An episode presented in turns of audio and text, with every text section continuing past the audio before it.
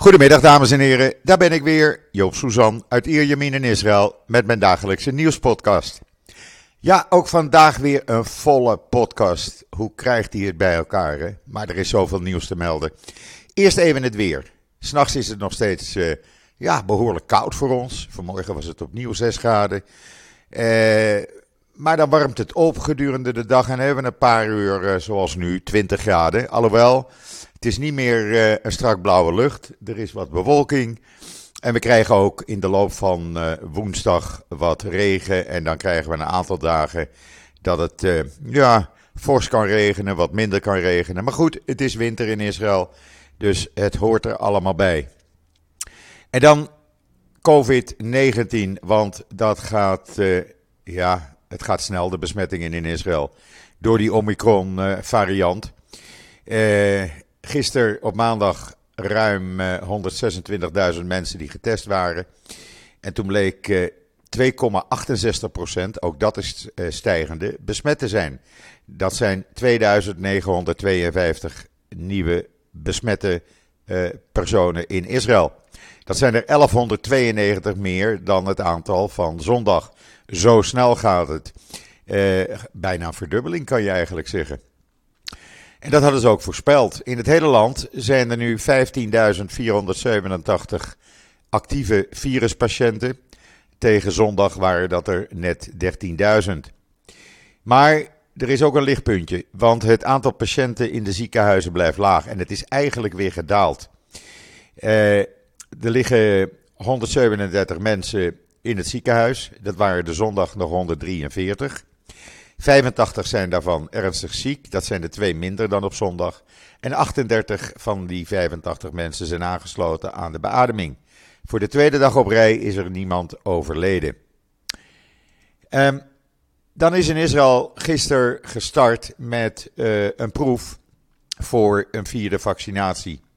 En dat uh, wordt gedaan in het Sheba Medical Center. En de eerste persoon ter wereld, zover bekend, die een vierde vaccinatie kreeg, was professor Jacob Lavey van het uh, Sheba ziekenhuis, die ook dit onderzoek uh, uitvoert onder zijn leiding.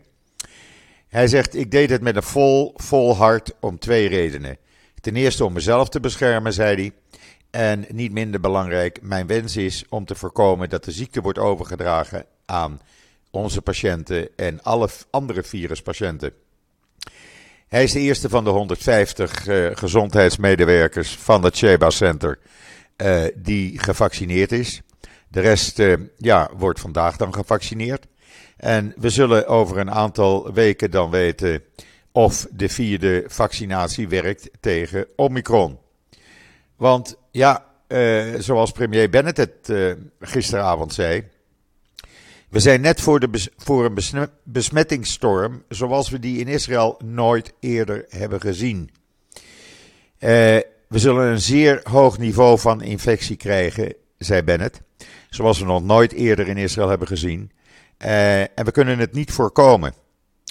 Uh, ga er maar vanuit, zei hij, dat de toename van met Omicron besmette patiënten heel snel gaat. Nou, dat blijkt uit, al uit de cijfers die ik u net uh, uh, zei. Hij zegt, uh, ons belangrijkste doel is echter geen lockdown, de volksgezondheid te behouden, maar ook de economie, zoals we ook deden tijdens de vierde golf met de Delta-variant. Hij zegt, het is wel moeilijker bij Omicron. en daarom hebben ze dus nu ook de, de, de, de regels veranderd voor mensen die uh, gevaccineerd zijn en in aanraking zijn gekomen met viruspatiënten. Want als dat niet was gebeurd, dan hadden we binnen een, nou, een week, twee weken misschien, honderdduizenden mensen in quarantaine gehad. Uh, volgens de, regels die tot vandaag gelden. Want het betekent in die oude regels dat je dus uh, drie dagen in quarantaine moet en dan getest wordt. En uh, ja, als je dan uh, negatief bent, mag je uit de quarantaine. Nou, dat hebben ze nu veranderd. Uh, op voorstel van de professionals van het ministerie van Volksgezondheid is het nu zo dat diegenen die zijn ingeënt, volledig zijn ingeënt, Dus drie vaccinaties. En in contact zijn geweest met geverifieerde gevallen van uh, patiënten die coronavirus hebben. Ongeacht of het nou Delta of Omicron is.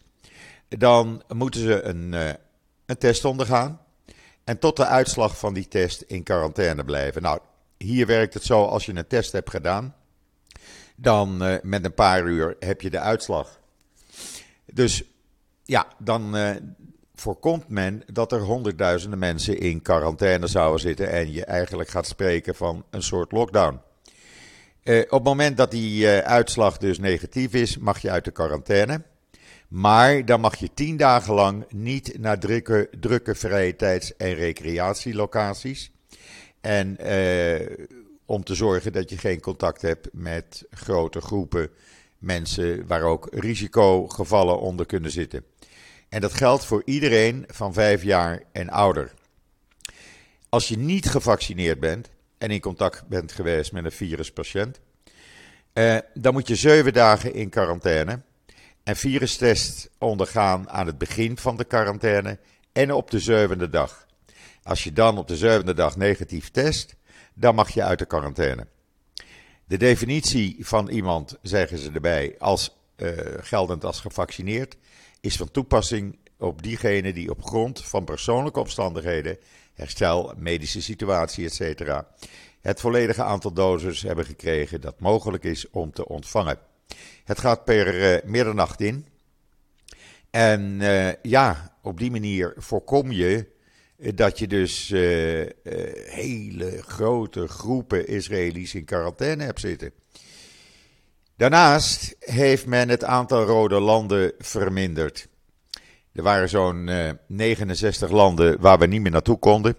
En dat is teruggebracht naar 15, waaronder Amerika, eh, het Verenigd Koninkrijk, Canada, Frankrijk, de Emiraten, Zwitserland, Zuid-Afrika, Ethiopië, Tanzania, Nigeria, Hongarije, Spanje, Portugal en Turkije.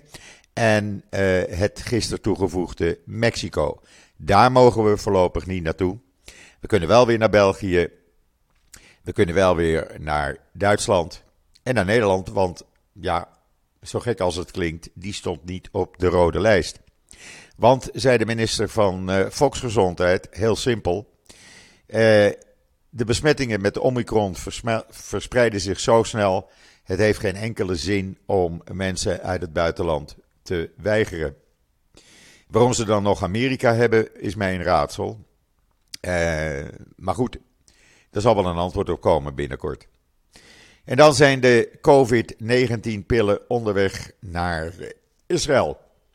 En uit onderzoek blijkt dat uh, mensen van 12 jaar kunnen die. Uh, uh, vanaf 12 jaar kan je die pillen krijgen. als je het risico loopt op ernstige ziekte.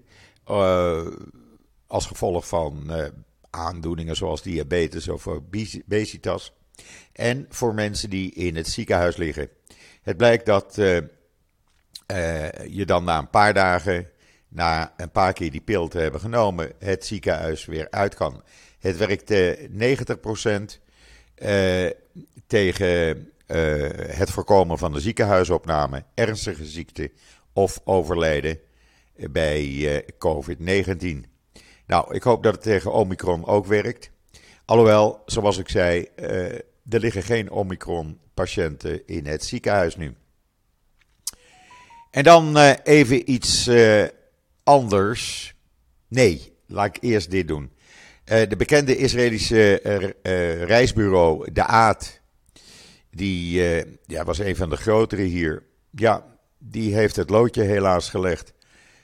geen toeristen, ze kunnen geen activiteiten meer doen. En na 30 jaar zijn ze noodgedwongen gestopt vanwege de COVID-19-pandemie.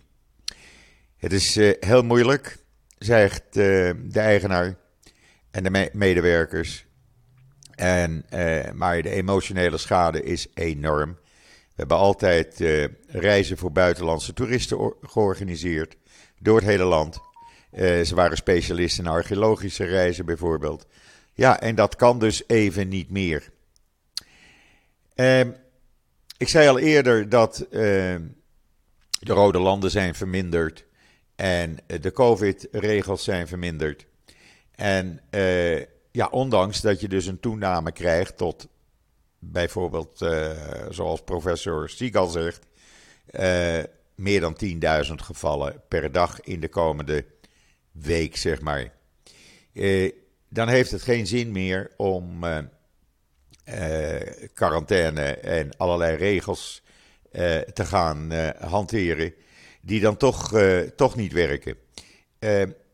je kan ook buitenlanders niet meer weigeren, want ja, het gaat dan zo hard in Israël dat het helemaal geen nut heeft om allerlei maatregelen aan te houden, waardoor mensen niet meer het land zouden kunnen bezoeken, terwijl je toch een toename krijgt van Omicron-patiënten. Of je nou wel of niet, eh, zeg maar, de grenzen afsluit voor buitenlandse toeristen.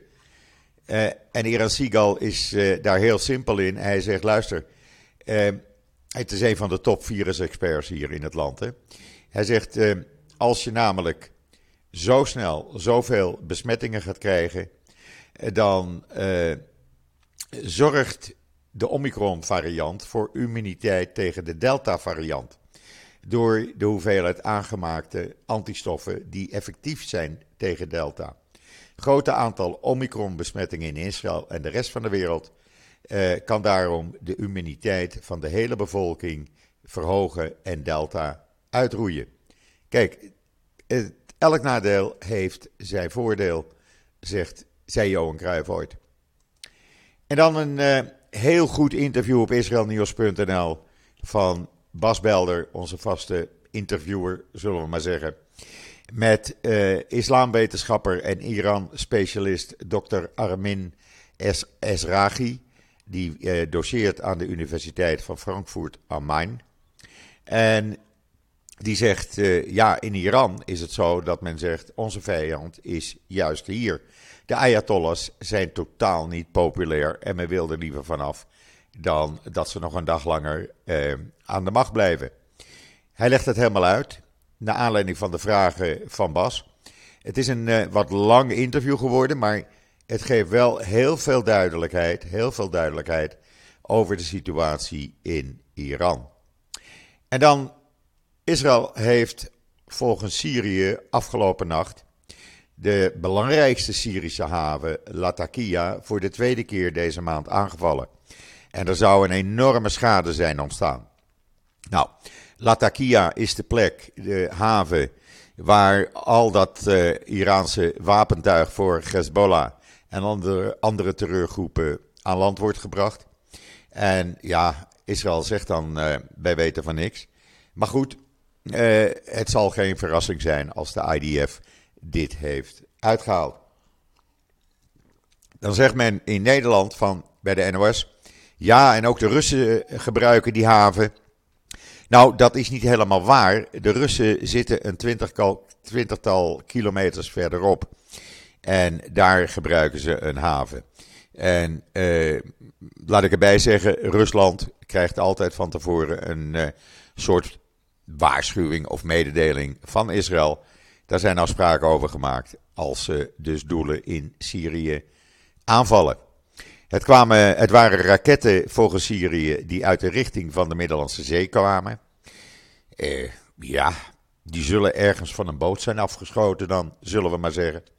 En eh, ja, er zijn dus wapenopslagplaatsen en dergelijke magazijnen geraakt en in brand gegaan. Eh, Israël houdt haar mond erover. Um, in Turkije hebben opgravingen iets heel bijzonders uh, onthuld. Een hele oude synagoge in, de, in een Turkse stad, vlak uh, bij Antalya, uh, de stad Side. En dat was een synagoge uit de 7e eeuw. dat is heel bijzonder. De overblijfselen wat men daar gevonden heeft, was bijvoorbeeld de plaquette met een menorah-motief en een inscriptie in het Hebreeuws en Grieks, waarin staat dat het door een vader is geschonken ter ere van zijn zoon, die op jonge leeftijd was overleden. De plaquette de zin op de plaquette eindigt met het Hebreeuwse woord shalom. Uh, de stad Side was jaren eeuwenlang de thuisbasis van Joden. Maar er was weinig bewijs dat Joden daar vroeger geleefd hebben. Nou, nu is dat uh, bewijs er naast bewijs uit de Byzantijnse uh, periode. Ik moet erbij zeggen dat sinds 2014 de Turkse autoriteiten werken om te proberen een deel van de geschiedenis te behouden van die stad. Dus dat is hartstikke mooi. Bent u binnenkort of over een tijdje in de buurt van Antalya. Ga dan even naar Side, dan kunt u dit zien. En het is altijd heel bijzonder als je de geschiedenis met eigen ogen kan aanschouwen. En dan uh, 150 voor, 150.000 voornamelijk Russische Holocaust-overlevenden kregen ieder een bedrag van 1400 dollar per persoon dus uit Duitsland van de Duitse regering. Eh, dat is meegedeeld door eh, de regering van Duitsland. En het gaat in totaal om een bedrag van ruim 200 miljoen dollar. Er is verleden jaar over onderhandeld. Uh, deze overwegend uh, Russische holocaust-overlevenden moesten in de oorlog vluchten voor de nazi's, maar zaten niet in de concentratiekampen. Dat is het verschil. En zij hadden dus ook geen uitkering. En die kregen ze nu dus wel. Mooi dat het nog kan en mooi dat, die, dat er nog mensen, zoveel mensen nog van kunnen uh, profiteren, laat ik het zo maar zeggen. Want over het algemeen, deze Russische holocaust-slachtoffers die in Israël wonen, die leven in, uh, in pure armoede, de meeste. En dan Benny, Beng, Benny Begin, de zoon van uh, premier Begin, die is overgestapt van de Likud naar New Hope van Gideon Saar. Nou, dat heeft hij geweten gisteren. Hij werd aangevallen door Netanyahu's supporters. Die hem uitmaakten op straat voor van alles en nog wat. En hem toeriepen: Je bent een gekke oude man. Je verraadt je vaders erfenis. Je vader schaamt zich voor je. Eh, en je vader draait zich om in, zijn graf. En kijk eens wat je je vader hebt aangedaan. Nou ja, ze gingen helemaal door het lint. Het was gisteravond allemaal op uh, televisie te zien. En uh, ja. Wat ook gebeurde gisteren trouwens. Netanyahu stond erop dat voor een soort vragenuurtje Bennett zijn quarantaine thuis verliet en naar de Knesset kwam. Daar stond hij op, want anders zou, er geen eh, stemmingen meer kunnen plaatsvinden, want de oppositie zou weglopen. Daar dreigde hij mee. Dus Bennett naar de Knesset gekomen, in het gedeelte gezeten wat vroeger de publieke uh, tribune was, maar nu een soort, uh, ja, uh, anti-besmettingskooi, zullen we maar zeggen. Daar zag hij, zat hij achter glas. En uh, heeft daar dus uh, Netanyahu geantwoord van jij brengt iedereen in gevaar. Uh, ik moet mijn quarantaine verlaten omdat jij erop staat dat ik hier aanwezig ben. Terwijl we dit ook hadden uit, uit kunnen stellen, want zo belangrijk is het allemaal niet. En ja, het is een beetje raar natuurlijk als iedereen in quarantaine zit. Dat je dan ja, gedwongen wordt je quarantaine te verlaten. Maar goed, uh, Netanyahu die is er nog steeds niet overheen dat hij geen premier meer is. Dus ja, die uh, probeert van alles om het leven van Bennett en de regering Bennett moeilijk te maken. En dan heeft Bennett gezegd: Israël is niet tegen een goede, uh, is niet tegen een goede nucleaire deal met Iran. Als het een, eh, een goede deal is, dan zijn we niet automatisch tegenstander daarvan, zei hij. We zijn geen automatische neezeggers.